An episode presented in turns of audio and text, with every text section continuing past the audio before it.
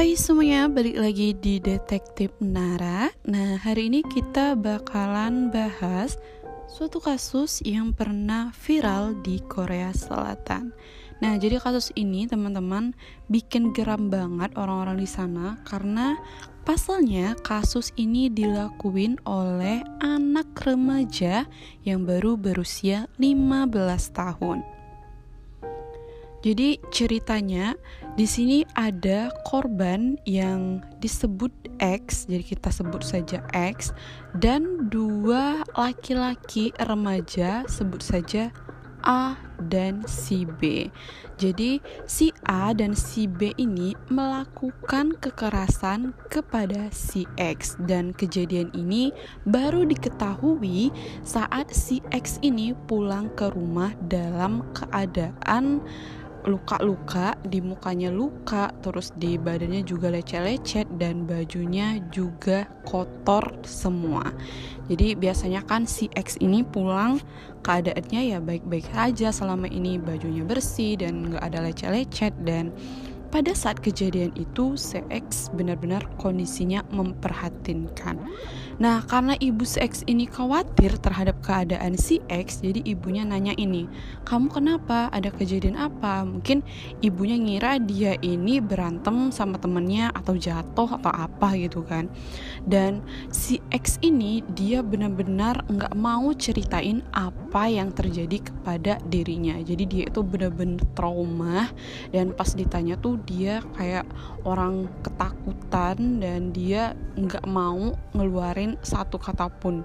Yang dia itu selalu menangis dan mengurung diri setiap hari di kamarnya. Jadi dia nggak sekolah gitu kan. Nah karena ibunya merasa cemas dan khawatir terhadap keadaan anaknya ini, ibunya segera melapor ke kepolisian setempat untuk e, mengetahui keadaan anaknya ini. Dan setelah dilaporkan, si X ini dilakukanlah visum ke badannya. Nah, setelah hasil dari visum keluar, ternyata anak ibu ini atau si X tadi itu mengalami pelecehan seksual. Jadi pas di visum ketahuan semua tuh kenapa si X ini terus ibunya juga bawa si X ini ke psikolog tapi si X ini bener-bener nggak mau kayak bener-bener trauma dan dia cuman hanya bisa menangis menangis setiap hari dan mengurung kamar mengurung diri di kamar. Nah, karena hasil visum itu menunjukkan kalau si X ini mengalami kekerasan dan pelecehan seksual, polisi segera mengusut kejadian tersebut.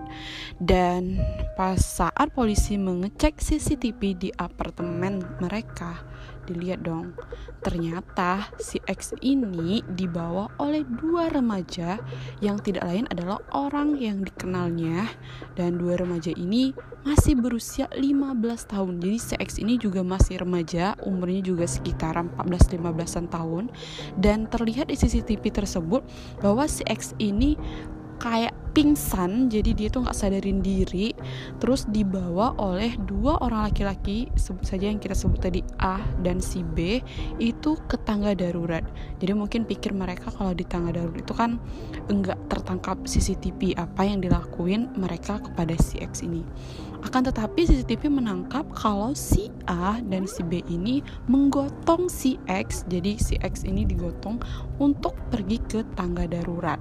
Nah, setelah beberapa menit dari tangga darurat si A dan si B ini keluar. Akan tetapi si X ini tidak nampak sama sekali keluar. Jadi cuma mereka masuknya bertiga gitu kan ke tangga darurat. Tapi pas beberapa menit yang keluar malah cuma dua orang gitu kan.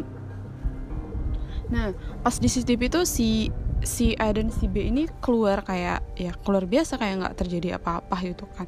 Nah selang dari si A dan si B ini keluar dari tangga darurat, si X ini juga keluar tapi keadaannya benar-benar memperhatinkan.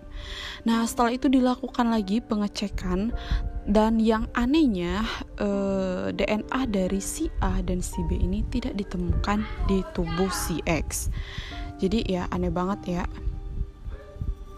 Nah, jadi pas kejadian itu setelah dilakukan penyelidikan lebih lanjut, si A dan si B ini terbukti bersalah telah melakukan pelecehan dan kekerasan kepada si X. Nah mungkin aja ya si A dan si B ini mungkin menurut aku itu melakukan tindakan kejahatannya mungkin sudah direncanakan mungkin dipakai uh, sarung tangan kayak di film-film gitu kan kita juga nggak tahu. Tapi setelah penyelidikan lebih lanjut terbukti bahwa si A dan si B ini telah melakukan kekerasan dan pelecehan seksual kepada si X.